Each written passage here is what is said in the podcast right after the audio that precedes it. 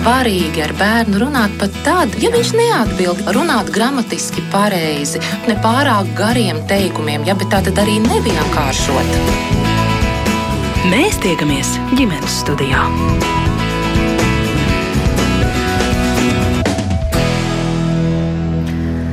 Tieši tā tiekamies ģimenes studijā, un šodien priecājos sveicināt jūs visus šī rādījuma klausītājs. Mans vārds ir Agnese Linka, un rādījuma producente ir Sarmīta Kolāte.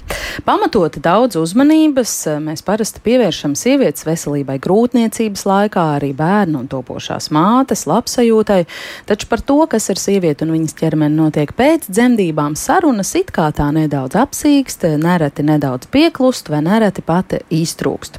Kāpēc dzemdībām mainās sievietes ķermenis galvenokārt jau iegūst? Ugurnis un tā muskulatūra, vai ir iespējams atgriezties pie tāda, kāds tas bijis pirms dzemdībām, kā pašai rūpēties par savu veselību šai jomā un kādās situācijās ir jāmeklē speciālistu palīdzība. Par to visu sarunu šodien radījumā ģimenes studija, un tajā piedalās ginekoloģija Laura Rācene. Labdien! Labdien! Un arī fizioterapeite Signe Beķere un Egija Kovaļenko sveicināts ģimenes studijā. Labdien! Labdien.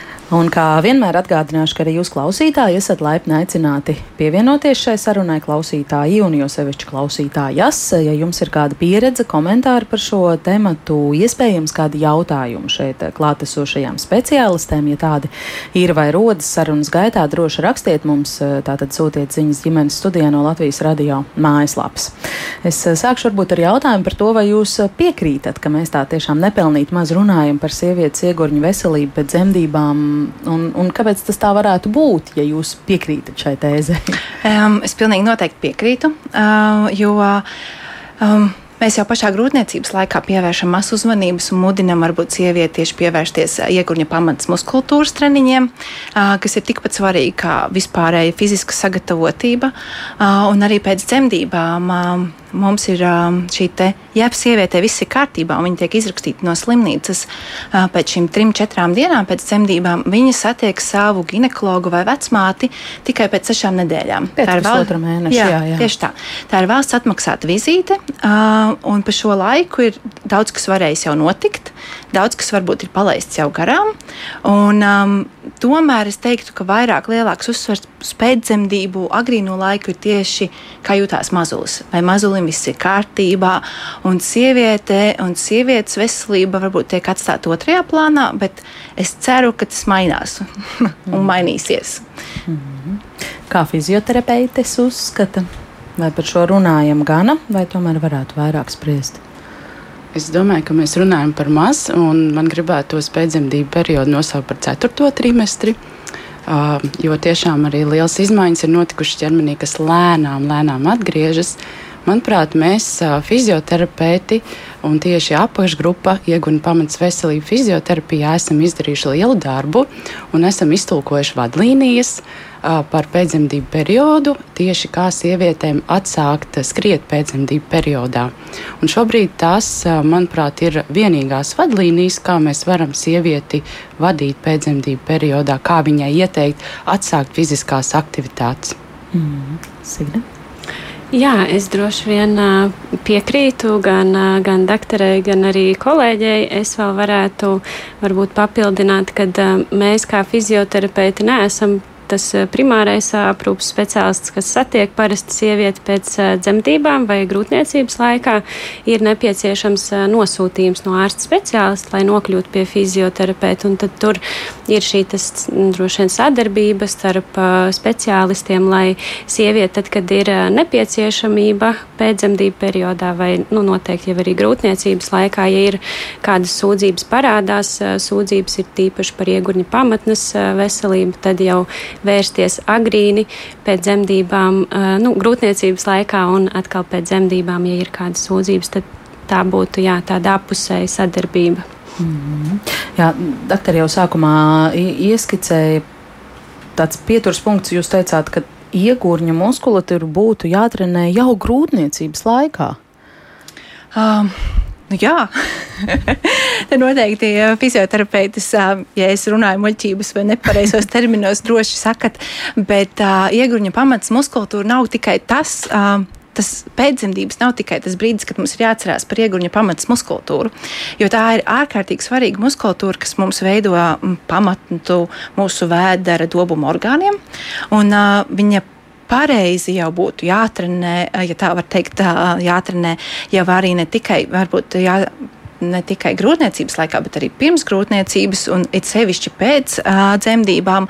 Un es teiktu, visu mūžu mums sievietēm būtu jādomā par iegurņu pamatas muskultūru, ne tikai par to jāatcerās pēc dzemdībām. Nu, jā, bet visi nav tik apzinīgi, un, un, un varbūt ir īpaši jaunas sievietes, un dzīvē viss ir skaisti, viss notiek pats no sevis, un iestājas grūtniecība, un tad tas mirklis, ko jūs teicāt, jātrenē jau grūtniecības laikā, es esmu dzirdējusi arī viedokļus, ka ļoti svarīgi ir muskulatūru atslābināt, spēt, ka tās super satrenētās eh, dāmas tad dzemdībās piedzīvo arī varbūt kaut kādas sarežģījumas. Be, um, bet, nav pretruna. bet trenēšana jau ir ne tikai kā mēs trenējam muskuļu spēku, trenēšana jau ir arī apzināšanās, ka mēs apzināmies šos iegurņa pamats muskuļus un spējam viņus arī atslābināt. Un tas spēja atslābināt arī ir jātrenē, un tas arī ir ļoti svarīgi mm. dzemdībās. Uh, spēja atslābināt, spēja saprast, kurā brīdī ir jāspiež un kā ir jāspiež, un tas viss sākās pirms dzemdībām.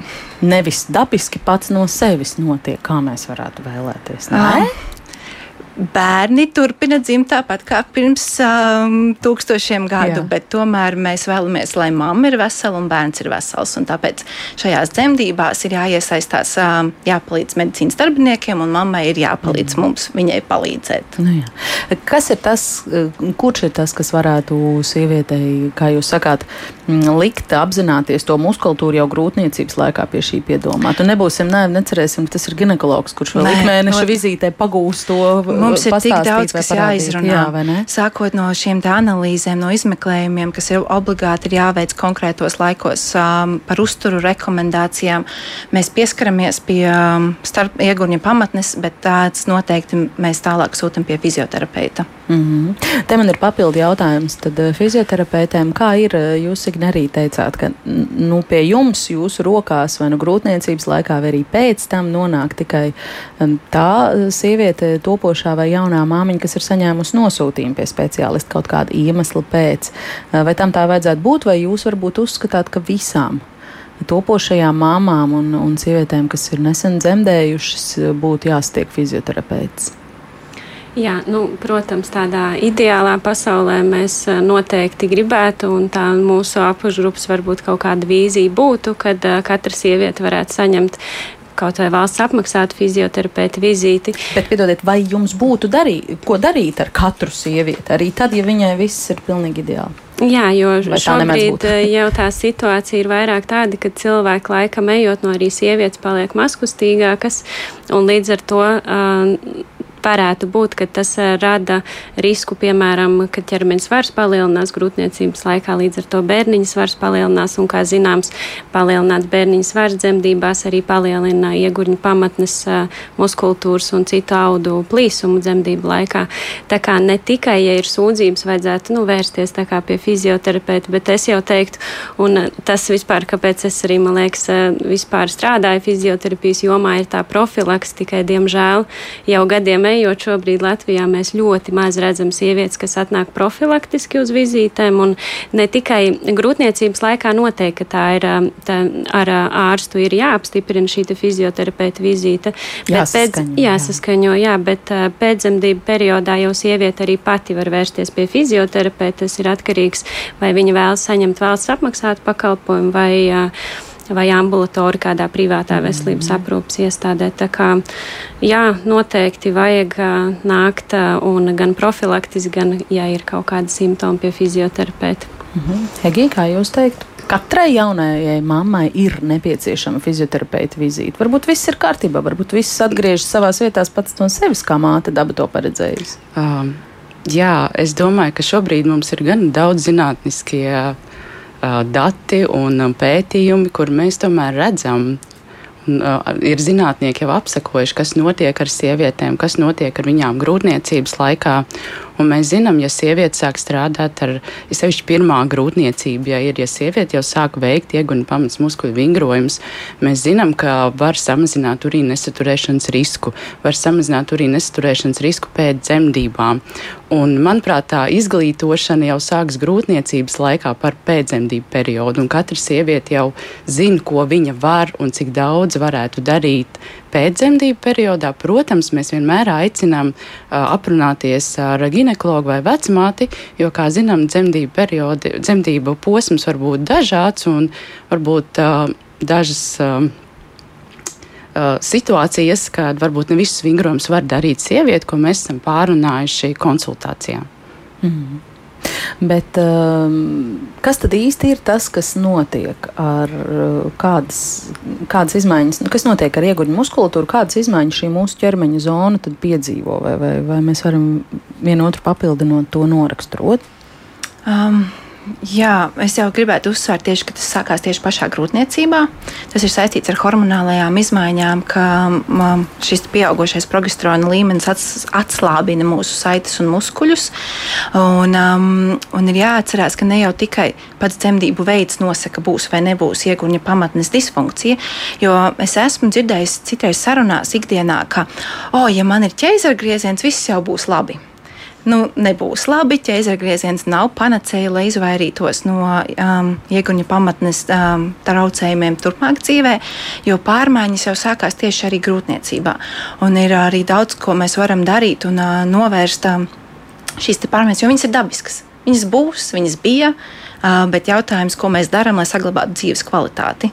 Um, un, uh, un tā, tā ir, piemēram, arī gatavojoties vaginālām dzemdībām, tā ir ne tikai vingrošana uh, un iegurņa pamatnes apzināšanās, bet arī, piemēram, mēs varam darīt lietas, lai novērstu tos pašus plīsumus. Jo sievietes ļoti baidās no plīsumiem, un uh, savukārt ir šīs starpenes masāžas, ir šie starpenes trenažieri, ko var lietot. Un, um, kā arī pašā dzem, vaginālu dzemdību procesā ir lietas, ko var izmantot, lai samazinātu plīsumus, no kā mēs sabiedrībā tik ļoti, ļoti baidamies. Piemēram? Bet, um, siltā, um, silta gēla aplikācijas. Tas var būt vai nu šis gēls, ko uzsilda, vai arī silts uh, dvielas, kas ir ieliktas siltā ūdenī, um, dažādas arī. Mm, um, tā pati starpens atbalsts, ko veic vecmātes dzemdībās, lai gan mums ļoti daudz sabiedrībā daudz saka, ka nepatīk šis dzemdēšana uz muguras, klasiskā poza, bet šis ir viens no visērtākajiem veidiem pašai vecmātei, kā nodrošināt starpens atbalstu. Mm -hmm. Jo vecmāte ir tā, kas kontrolē šo bērna galviņas atliekšanos, jo tas ir tas brīdis, kad ir vislielākais spiediens un iestiepums un kad veidojas šie plīsumi. Mm -hmm. nu, labi, bet soli pa solim ejot uz priekšu, tas stāsts par to, to, kādas izmaiņas piedzīvo iegurņā pamatnes muskulatūra pēc dzemdībām. Teiksim, dzemdības ir notikušas, lai nu kā tur būtu gājis. Kas ir, kas ir tas raksturīgākais?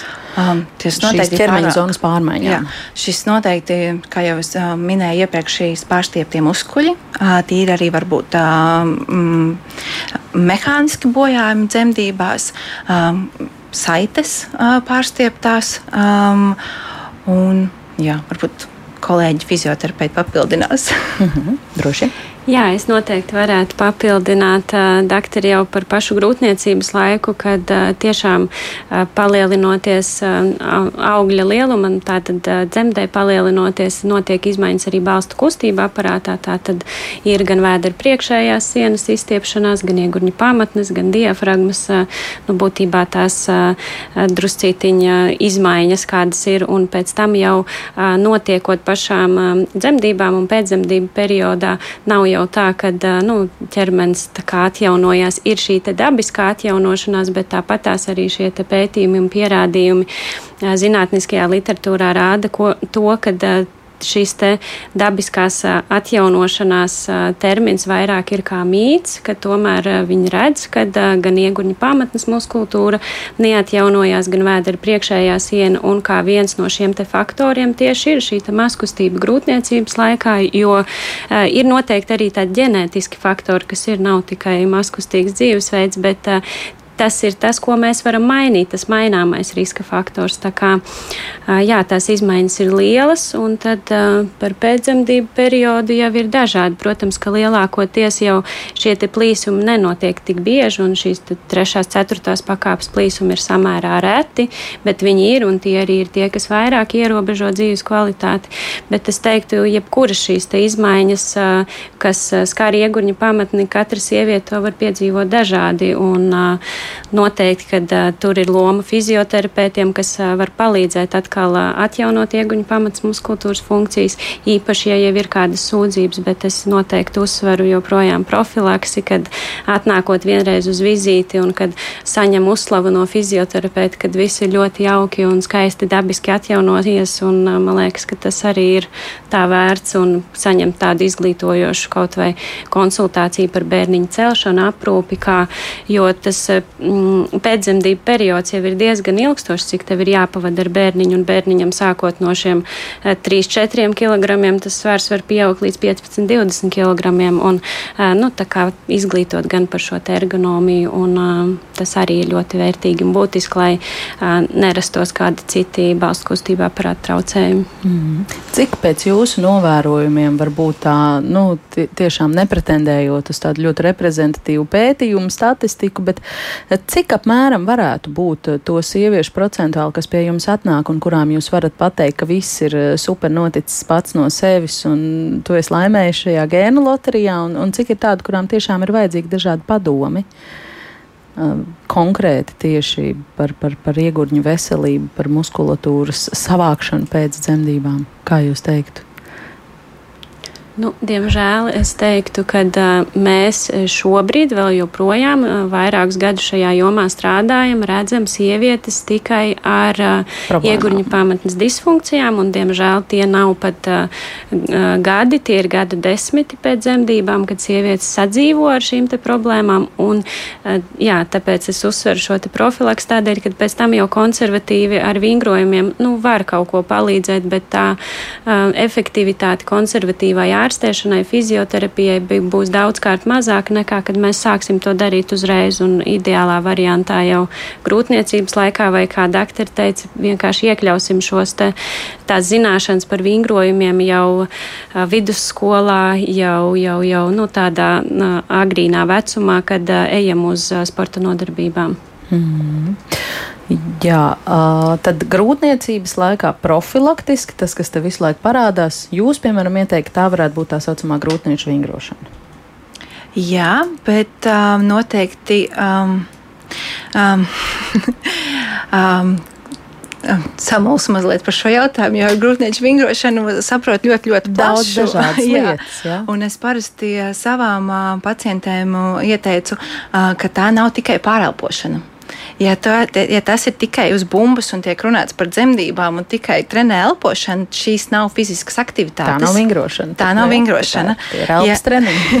jā, jo veselai grūtniecei īstenībā ir rekomendēts um, 150 minūtes nedēļā.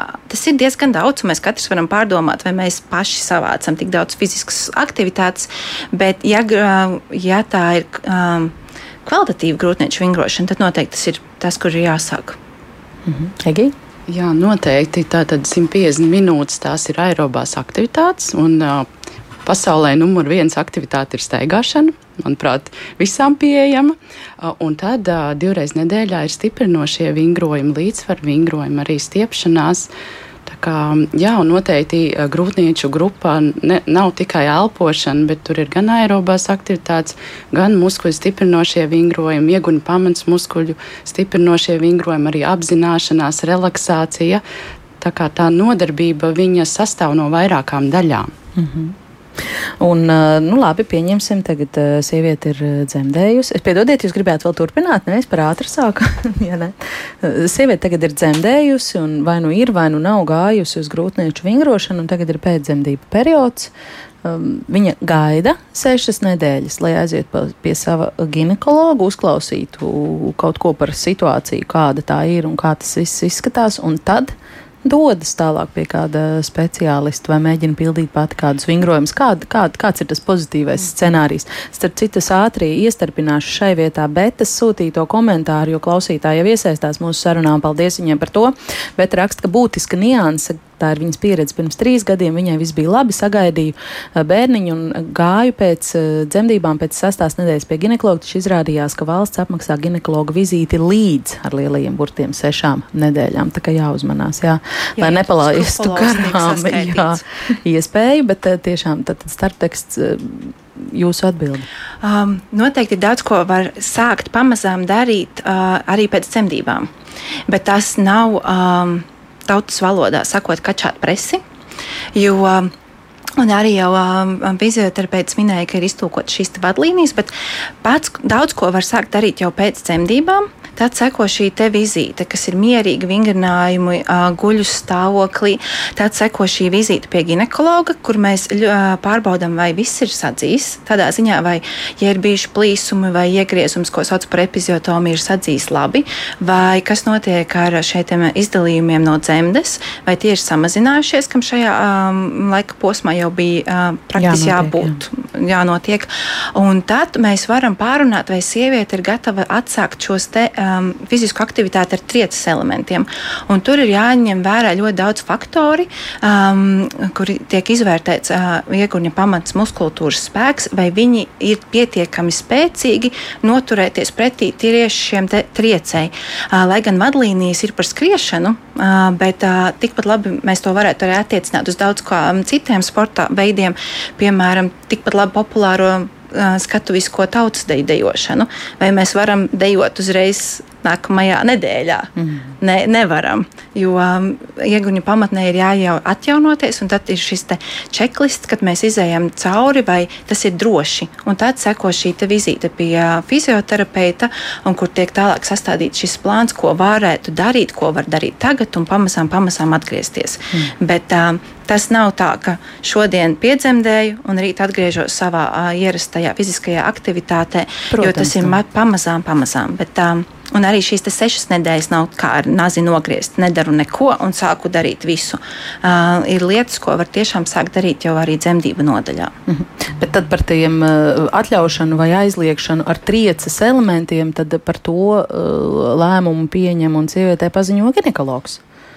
Tāda robežšķirtne ir 12 nedēļas, kas jau ir 3 mēneši. Bet mēs varam rekomendēt noteikti vērsties pie fizioterapeita un kopā ar fizioterapeitu nolemt, vai ieguņa pamatne ir pietiekami gatava um, atgriezties pie trieces elementiem, un ka mēs ar šo sportošanu nenodaram, um, nevraisam um, komplikācijas nākotnē. Jo varbūt nekas jau nenotiks šobrīd, atsākot uh, trieci, uh, bet um, mēs, varam no, mēs varam veicināt ieguņu pamats disfunkciju nākotnē, ne, atsākot trieces elementus, nesagatavojot ieguņa mm. pamatni. Jā. Fizioterapeitēm arī tad jautāšu, kas ir tas, kā jūs redzat uh, laiku pēc dzemdībām, kas ir tas, uh, ko un kad sieviete var un ko viņai vajag un ko viņai nevajag darīt. Jā, nu, es noteikti arī piekrītu doktorē par to, ka šīm fiziskajām aktivitātēm pēc dzemdību periodā ir jābūt pakāpeniskām un arī drošām, bet uh, šeit noteikti sievietes var iedalīt divās grupās. Viena, ir sievi, viena grupa būtu sievietes, kas ir ļoti fiziski aktīvas un bijušas fiziski aktīvas visu grūtniecības laiku. Viņām pēcdzemdību periods parasti vienmēr arī šī atjaunošanās ir labāka, ātrāka, tāpat vēdera priekšējās sienas atjaunošanās, vai, jā, un tāpat tās atkarībā no dzem, dzemdību norises, kā ir ar iegurņu pamatni, tad, un tad būtu otra grupa sievietes, kas grūtniecības laikā vai nu ir bijušas maz mazāk aktīvs, jo šī aktivitāte vienkārši ir eh, mazāka, vai ir bijušas kaut kādi pašsajūtas ierobežojumi, vai nu, kaut kādas tādas indikācijas, ka uh, viņa šīs fiziskās aktivitātes uh, ir nepieciešams bijis ierobežot, tad es noteikti ieteiktu rekomendēt tieši šīm sievietēm, tad rekomendēt fizioterapeitu konsultāciju pēc, pēc dzemdībām, jo nu, ar kādiem vingrojumiem vai ar kādu šo fizisko aktivitāti tieši vajadzētu sākt un uzsākt ja, ja, neizdodas, ja neizdodas pašai. Tā, jā, tā kā droši vien, kad uh, vairāk uh, tās sievietes, savukārt citas, kas sporto, viņas arī ļoti strauji grib atgriezties uh, savā uh, pirmszemdību formā, kas arī īsti nav labi. Tad šīs sievietes mums vairāk varbūt ir jāpiebremzē un jāskatās šī atjaunošanās, jā, un tad uh, ar triecienu elementiem šo fizisko aktivitāti tad sievietes var atsākt sākot no trīs mēnešiem pēc dzemdībām, bet tas ir ar nosacījumu, ka uh, viņa aktīva ir visus šos trīs mēnešus, un tad gan pēc šīm vadlīnijām vai arī pēc pēc iepriekšējās fiziskās sagatavotības, tad šo plānu var skatīt. Savukārt tās sievietes, kas būs mazāk fiziski aktīvas, viņām noteikti nebūs droši iziet bišķiņu paskriet, izveidināt galvu un tam līdzīgi noteikti labāk vajadzētu izvēlēties pastaigas vai nu, kādas fiziskas aktivitātes bez trieciena.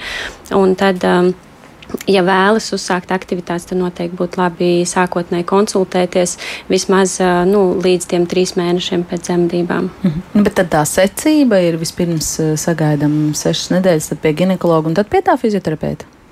Nē, būtībā jau, kā jau teica doktori, kad var uh, uzsākt uh, gan uh, iegurņu pamatnes muskultūras viegl, vieglus vingrojumus, gan tādus uh, vienkārši guļus pozīcijā vingrojumus, kas nerada nekādus di diskomfortu jau agrīni pēc dzemdībām, bet uh, vērojot noteikti savu pašsajūtu.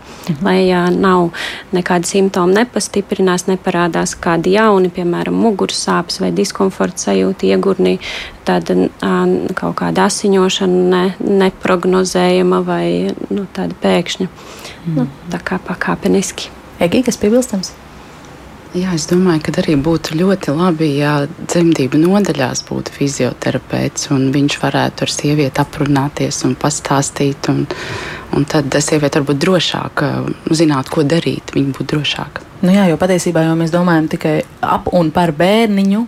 Un, uh, man liekas, ka tas aizņem 99% vispār smadzeņu resursu tajā brīdī, kur nu par kaut kādiem vingrojumiem domāt. Un, ja kāds par to atgādinātu vai tajā brīdī izstāstītu to nozīmību, tas droši vien būtu mm, jēdzīgi. Es atgādināšu, ka ģimenes studijā mēs šodien uh, runājam par to, kas ar sievieti viņas ķermeni un uh, fokusēta tieši iegurņa pamatnes muskulatūra notiek pēc dzemdībām. Uh, un sarunas dalībniece ir ginekoloģa Laura Rācena un fizioterapeits Signa Beķere un Egija Kovaļenko. Mm, tad es gribētu pāriet jā, pie jautājuma, ko un kā tad īsti būtu pareizi darīt. Vai pietiks, ka es iegūglēšu, es nezinu, tur iegurņa pamatnes fitness vai, piemēram, slavenie eh, senie vecie labie kēgela vingrojumi, un tad eh, kā nu mācēšu, tā nu darīšu ja nu nebūs tajā dzemdību nodaļā tas fizioterapeits, kas atnāks pie manis vēlīgi aprunāties. Um, nē, nepietiks tikai ar googlēšanu.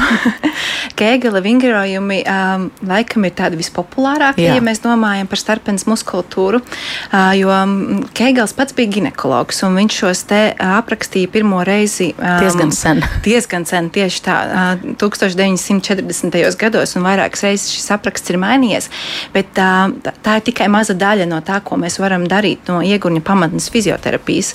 Un, um, Bet eh, noteikti nepietiks tikai ar googlēšanu, jo, kā jau mēs runājām iepriekš, ir ļoti svarīga arī šī apziņotība muskuļu, un to var sniegt um, fizioterapeits šajā konsultācijā. Tāpēc Mm, es noteikti rekomendētu tomēr um, apmeklēt fizioterapeitu un nenodarboties ar um, kugles vadību. Pašdarbību, jā, bet jūs teicāt, ka dzemdību nodaļā jau var sākt kaut ko darīt. Nu, nav mums dzemdību nodaļās, tie fizioterapeiti vēl nenāk pie Dažās jaunajām mamām. Pamazām jau Latvijā jā? sāk ienākt, Aha. jā. Uh, jo, bet uh, tas ir tikai pats pats sākums. Un, uh, Nu, lausties tomēr nesatiekam dzemdību nodaļā šos speciālistus, diemžēl. Tad, tad kas ir tas, ko, ko darīt un kā saprast, pareizi vai nepareizi daru?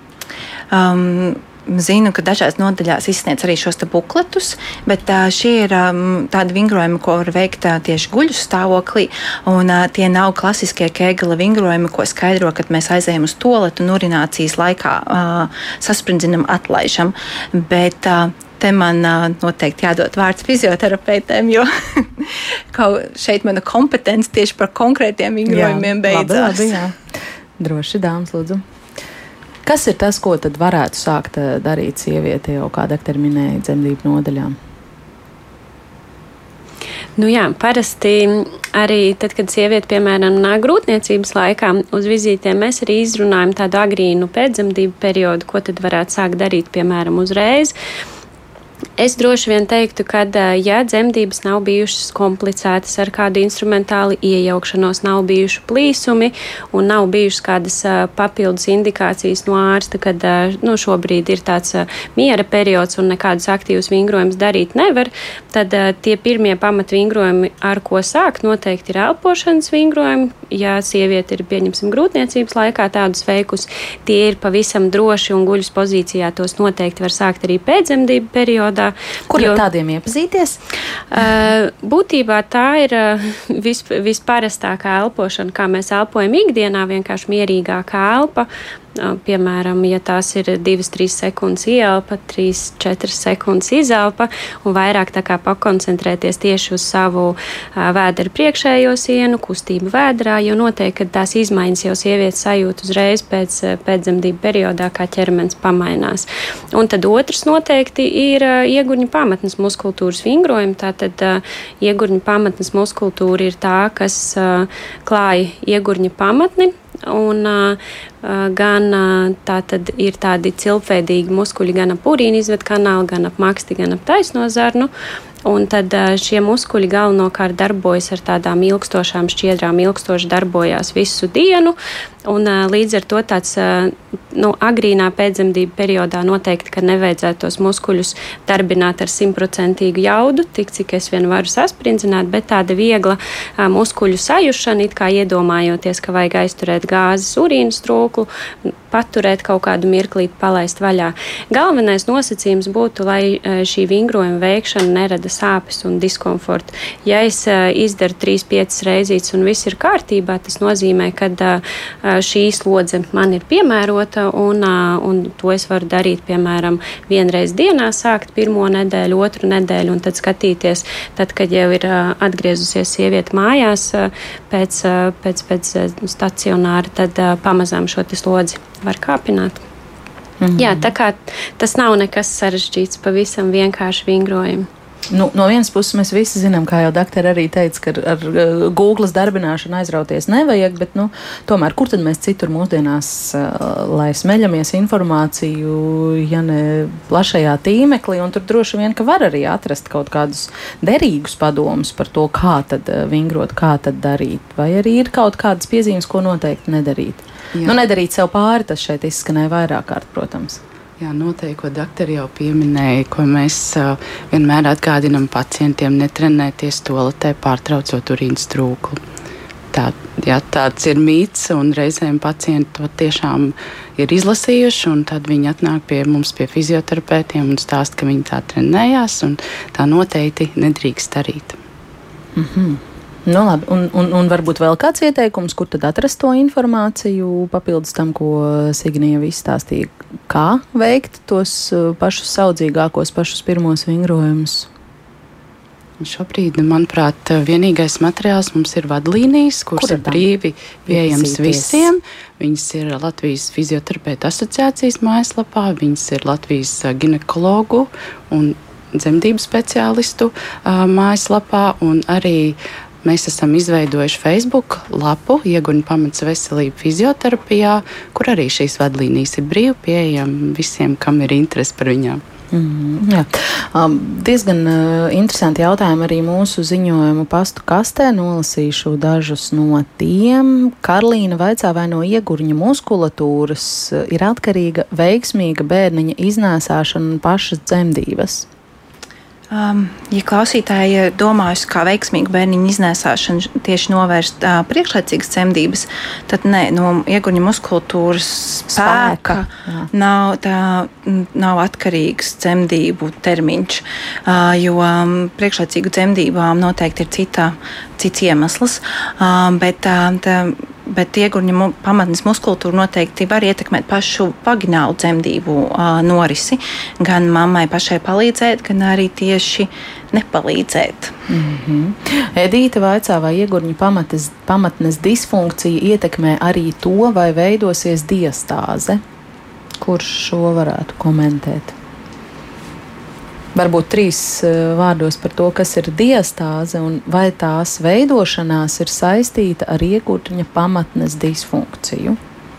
Nu, tā pirmā atbilde uzreiz noteikti būtu, ka nē kad tā saikne tur nav. To rāda arī zinātniski pētījumi, jo šis jautājums nu, būtībā ir ļoti labs jautājums, jo arī zinātniekiem, kas pēta ieguņu pamatnes disfunkcijas un diastāzes, viņi tomēr redz, ka ir kaut kāda korelācija, kurām sievietēm ir uh, diastāze, kurām veidojās uh, pēcdzemdību periodā. Tām arī, piemēram, varētu būt disfunkcija, bet tomēr statistiski viņi neredz šo korelāciju. Līdz ar to es teiktu, ka uh, nē, bet tas, kad var pastāvēt uh, nu, gan, uh, gan jo tie um, būtībā cēloņi, mehānismi, es teiktu, ka ir pilnīgi dažādi. Diastāze veidojās visām sievietēm pēdējā grūtniecības trimestrī, tas ir 98-99%, kas ir normāls grūtniecības process, un tāpat arī pēcdzemdību periodā diastāze uzreiz nekur nepazūd. Pirmajās pēcdzemdību dienās viņi ir tieši tādi pati, bet pēc tam norit šī dabiskā atjaunošanās, ko vēro Arī tāpat zinātnieki savos darbos ar ultrasonogrāfijas metodu un redz, ka šos 6-9 mēnešus pēc dzemdībām vēdera priekšējā siena ir atjaunojusies pilnībā. Un, ja ir tādas lielas, smagas diastāzes, tad to noteikti es domāju, ka gan arī sievietei ir kaut kāds diskomforts un viņa to pamana. Un, un tad jau vēršās pie speciālista pēc palīdzības. Bet, jā, atbildot uz jautājumu, noteikti, ka tāda cieša saistība tam nav. Mhm. Vai var teikt arī papildu jautājums no manas puses, vai var teikt arī, ka mm, diastāze tad lielākā skaitā gadījumu dabiskā atjaunošanās notiek pati no sevis, tie vēdera priekšējie muskuļi satuvinās atkal atpakaļ nekā uh, iegurņa pamatnes muskulatūras dabiskā atjaunošanās?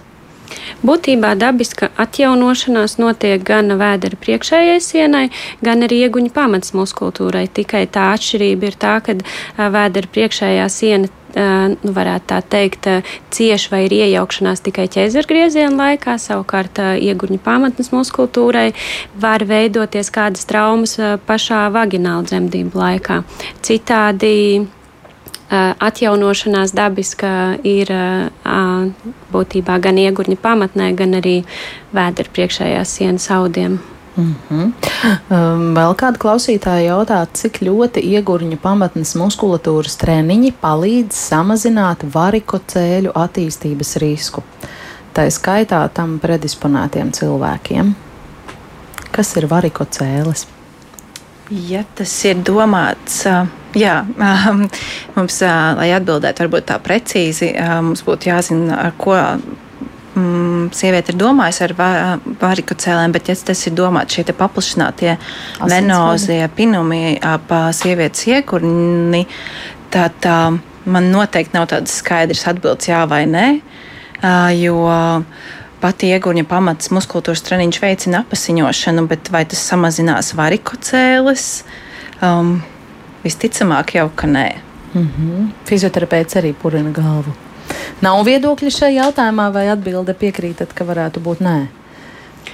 Nē, man nav informācijas. Un īstenībā, ja mēs skatāmies ieguņu pamats muskultūras stiprināšanas indikācijas, tad varikocēlis kā tāda diagnoze nav tur minēta. Es domāju, ka tas nav ne, nu, ne kontraindicēts, ne arī indicēts, kad vingrojums noteikti darīt var. Nu, tur, ja ir nepieciešams konsultēties ar ārstu, bet, bet tas noteikti nav pamatā ārstēšana, pirmā izvēles ārstēšana pie šādas diagnozes. Mm.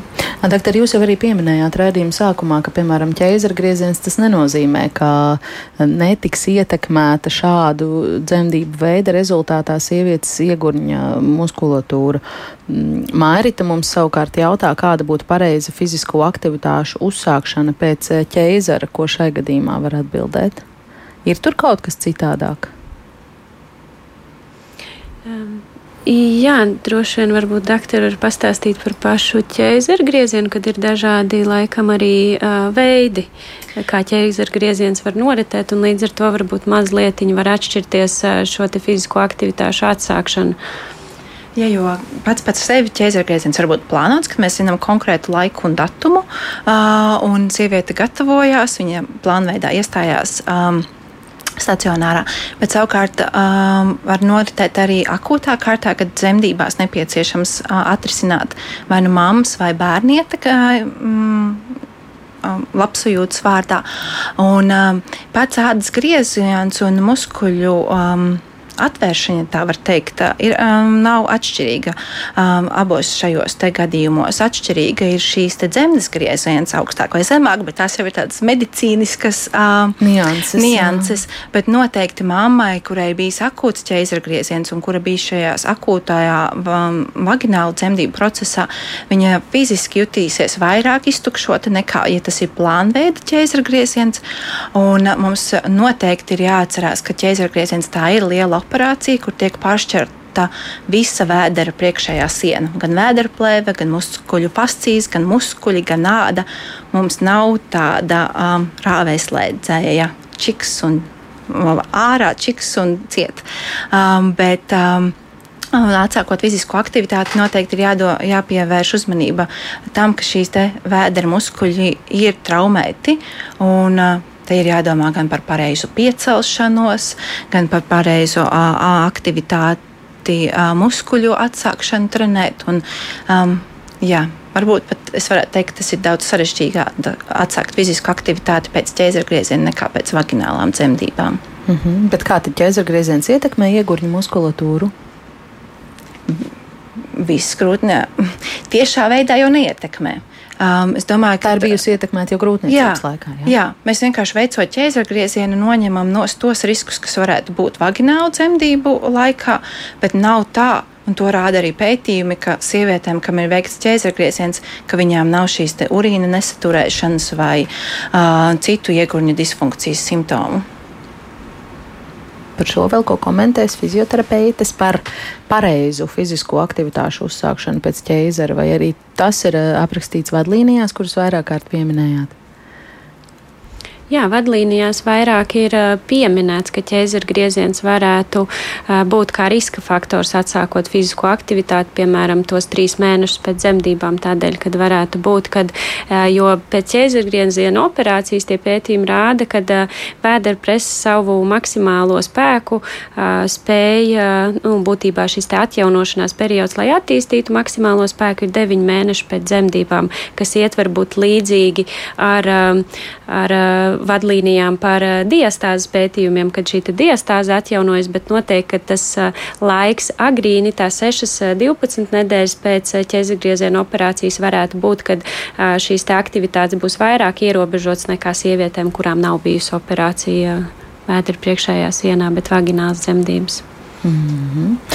Jā, Ieva mums ir atsūtījusi tādu savu pieredzes stāstu, ka grūtniecības laikā viņa ir bijusi ļoti aktīva, vingrojusi basēnā, staigājusi 10-15 km gandrīz ikdienu līdz pēdējām grūtniecības termiņa dienām. Tojoties dzemdībām, ginekologs brīdināja, ka viņai ir ļoti stingla, stingra muskulatūra, ka viņa ir satrenējusies, ka tas var paildzināt dzemdību procesu, un beigās dzemdības viņai bijušas stimulētas, un arī vecmāte pāris reizes izteikusi negatīvas piezīmes par šaurumu un stingrumu stingruma rezultātā veikts iegriezums un arī pielietots vakums, jo paralēli visam bērnam zuda sirds toņi salīdzinājumam draudzenes, kuras grūtniecības laikā nedarīja neko dzemdē bez sarežģījumiem, pēc dzemdībām bez īpašas piepūles atgau, pir, atguvu pirms grūtniecības formu, nerunājot gan par iegurni, jo ilgi izjūtu diskomfortu dēļ iegriezuma rētas, bet dzemdību pieredze man noteikti nebija tā labākā, tā rakstīja.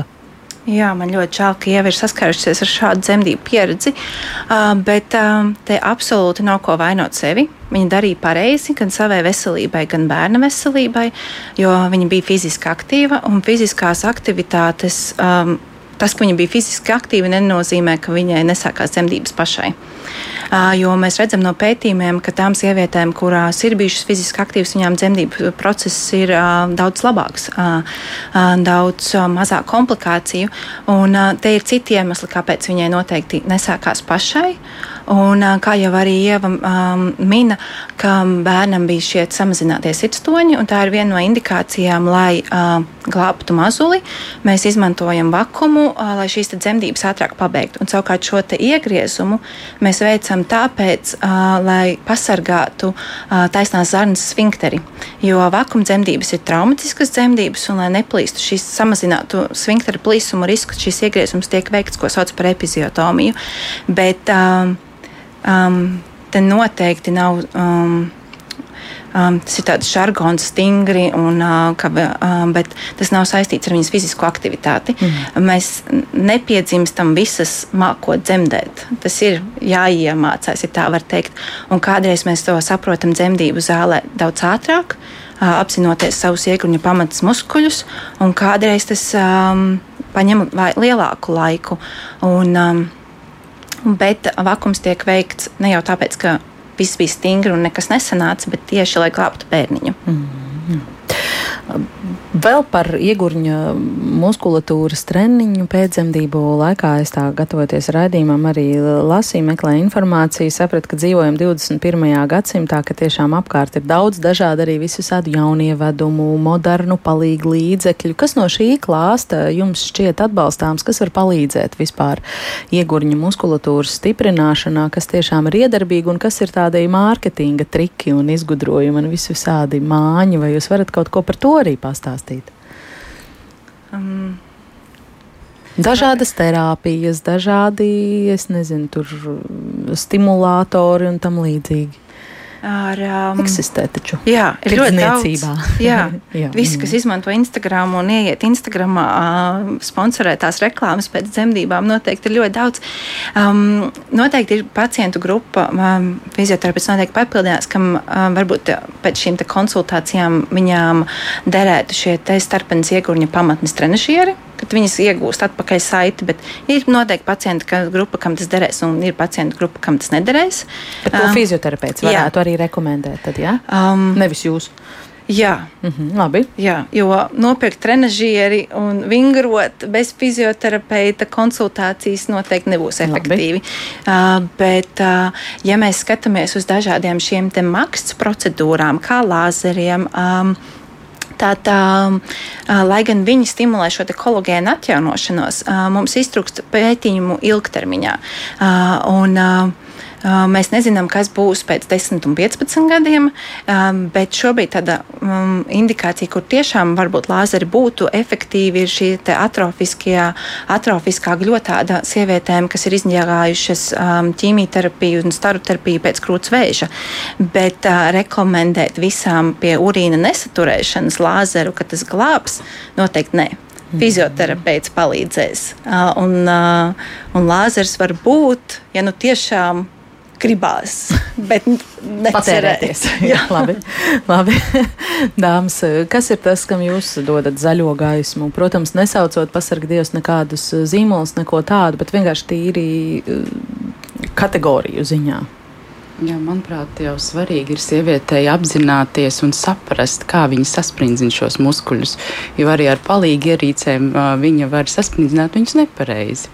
Man arī par šo ir jautājums, ko man jums pirms kādām 10-15 minūtēm jau gribējās uzdot. Vai tādā iegurņa muskulatūras vingrināšanā, nu, kas ir dziļi, nu, fizioloģiski iekšējs process, ir iespējams, ka speciālists no malas skatās un saka, nē, nu, te tu veic nepareizi tos uh, vingrojumus. Jo tad, kad es aizēju uz, uz vingrošanu, kas saucās vesela mugura, es saprotu. Man ļoti patīk to darīt fizioterapeitu uzraudzībā, jo tur katrs leņķis un katrs pagrieziens šitā ir pareizi, šitā vairs nē. Attiecībā uz iegurņu muskulatūru arī jūs spējat no malas pateikt, te tu dari pareizi, te nē. Jā, jā, ir noteikti kļūdas, biežākās, ko mēs redzam. Un viena no biežākām ir elpas aizturēšana. Uh, otrs ir sieviete sasprindzina sēžas muskuļus vai kāju muskuļus. Bieži vien uh, kustība ir uh, kustība sastāv no apņemšanas un pacelšanas, un tad uh, ir reizēm sieviete paceļ plecus un uzceļ uzacis. Un, un, jā, tās ir tās lietas, ko mēs varam novērot no ārpuses. Tāpēc uh, ļoti svarīgi ir. Uh, kārtīgi izstāstīt par muskuļiem, kur tie atrodas un kā viņi, kā viņi veic šo sasprindzināšanās funkciju. Un, mēs esam gājuši arī tālāk, un reizēm ir tā, ka mēs nevaram saprast, vai tiešām sieviete sasprindzina pareizi muskuļus. Pagājušā gadā mēs sākām veikt. Um, veicām pirmo apmācību fizioterapeitiem, lai mēs varētu veikt padziļinātāku izmeklēšanu un lai mēs varētu labāk novērtēt šo muskuļu darbu. Mm -hmm. Varbūt vēl kaut kas par tiem palīdzekļiem palika nepateikts. Kam jā, kam nē? Jā, arī varbūt no tās praktiskās pieredzes ir tā, ka es teiktu, ja sieviete veic šos te vingrojumus ar palīgi ierīci un viņa jūt, ka vai no nu simptomi, kas bija iepriekš, ir parādījušies jauni, vai kaut kāds diskomforts iegurņa pamatnē parādās, vai kaut vai vēdera lejasdaļā, tad noteikti nevajadzētu turpināt šo te ierīci lietot vai nu pakonsultēties ar ginekologu, jo tur var būt arī citi dažādi iemesli, ne tikai ar iegurņa pamats muskultūru saistīt, bet arī pēc tam, ja būs nepieciešamība arī ar ginekologu. Un, um, Noteikti, ja ir bijušas komplicētas dzemdības ar iejaukšanos, ir bijuši plīsumi, tad uh, tas nebūs piemērots uh, sievietei, ar ko sākt. Jo arī jebkurš trenižieris, viņš rada kaut kādu svaru. Caur ķermeni šis ierīces svars vienmēr būs lielāks, smagāks. Līdz ar to var uh, iedzīvoties arī muskultūras pārslodzē, var iedzīvoties tādā kā demotivācijā, jo man nekas nesanāk, ir grūti izdarīt. Bet tas ir nevis tāpēc, ka uh, sievietei kaut kas nesanāk, bet vienkārši, ka tā slodze ir par par lielu. Citreiz mēs fizioterapijā šīs ierīces salīdzinām ar hantelītēm. Nu, kad sākotnēji aizejot uz vingrošanu, mēs uzreiz nesākam vingrot ar hantelēm, mēs iemācāmies to kustību, gan sasprindzināšanas, gan ļoti svarīgi atbrīvošanas kustību, jo tieši atbrīvošanā visi šie labie procesi notiek un apasiņošanās un to bioloģiski aktīvo vielu izdalīšanās, un tikai pēc tam jau mēs varam sākt domāt par uh, lielāku stiprināšanu. Un tas noteikti būs uh, tikai pēc tam, kad šī adaptācija, pierašana vingrojumiem viņiem būs beigusies. Tās ir kādas 4, 6 nedēļas, un tikai pēc tam jau mēs pēc sešām nedēļām varam domāt, vai ir kaut ko nepieciešams pievienot, vai nē, tā kā sākt bez trenažieriem. Mm. Ja neizdodas, būtu labāk nevis uzreiz pirkt trenažieru, jo kaut kā aiziet uz veikalu ir vieglāk pieejams nekā aiziet pie speciālista. Diemžēl mm. tas tā ir, bet uh, negribētos, lai tas tā veidojās, un tomēr jā, ar tādu izpratni vairāk attiekties. Jā.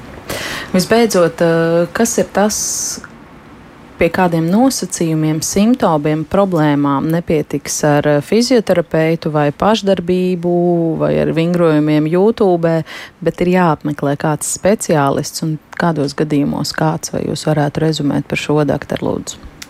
Um. Nu, Pirmais speciālists, kā grieztos, būtu ginekologs, lielākoties um, gan pie urīna nesaturēšanas, gan pie sāpēm, gan arī pie um, pēču un gāzu nesaturēšanas. Pirmā izvēles terapija ir fizioterapija. Līdz ar to agri um, pacientam ir jāvēlās iesaistīties un risināt šo problēmu, kā arī dzīvesveida pārmaiņas. Un tad atkarībā no tā, cik ir smaga šī problēma, kā palīdz fizioterapija un kā palīdz dzīvesveida pārmaiņas, mēs varam tālāk jau domāt par nopietnākām uh, risinājumiem, kā par operatīvu uh, terapiju, bet arī jāņem vērā sievietes vecums un vai viņa neplāno grūtniecību nākotnē. Tāpēc um, um, tā viennozīmīgi uzreiz nevar pateikt, ka tikai pie šī ir jāiet tālāk. Vispirms jāsāk vingrot. Mm -hmm. Un visbeidzot, eh, vai ir kāds brīdis, kad ir par vēlu iegurņa muskulatūras uh, stiprināšanai. Nu, kad nav vairs jēgas, tāpat jau gadi pagājuši, ko nu vairs. Jūs arī Signa kādā brīdī teicāt, jā, ka jo ilgāks laiks paiet, jo mazāks tur izredzes kaut ko sakārtot efektīvi. Jā, es teiktu, ka tas ir pārsteidzoši, bet uh, nekad nav par vēlu sākt. Un, uh, es jau tagad uh, citreiz stāstu arī citiem pacientiem, kad pieņemsim rekords vecumā, kad ir piemēram arī 85 uh, gadu veca pacienti, kas arī vingro un, un uzsāk šos te vingrojumus. Tā kā es teiktu, ka nekad nav par vēlu, tikai nu, vienkārši tā efektivitāte un varbūt tas ārstēšanas iznākums, nu, kad tas mērķis, uz ko mēs strādāsim, noteikti atšķirsies atšķirsies, jo vēlāk mēs griežamies pie, pie speciālista. Bet noteikti, ka var un vajag risināt šīs problēmas, jo arī vēlīnos kaut kādos uh, funkciju traucējumos vienmēr var, var kaut ko palīdzēt, kaut vai ar izglītošanu, kā doktori teica, ar dzīvesveidu pārmaiņām, un, un tas viss var arī ietekmēt un uzlabot dzīves kvalitāti. Mm. Paldies par sarunu ģimenes studijā. Es šodien saku fizioterapeitēm Signai Beķerei un Egijai Kovaļenko un arī ginekoloģijai Laurai Rācenai. Paldies, ka veltījāt savas zināšanas un laiku ģimenes studijas klausītājiem. Šodien uh, raidījumu veidojas Armīta Kolāta pie skaņu pults Toms Šupeiko un pie mikrofona bija Agnes Linka. Rīt mēs runāsim par to, kā un kāpēc mācīt bērniem patstāvību, kā saprast, kurš ir tas brīdis, kad bērnam ir jākļūst patstāvīgākam, kas ir tie iemesli, kāpēc viņš tāds negrib būt un ko darīt, ja bērns jau gana, agri gribas uh, kļūt pieaudzis. kā, jā, par to debatēsim šeit eh, rīt. Zvaniet, eh, rakstiet un paldies, ja klausījāties. Tiekamies ar ģimenes studiju arī podkāstu epizodēs mobilajā lietotnē un sekojiet mums sociālos tīklos uz sadzirdēšanos.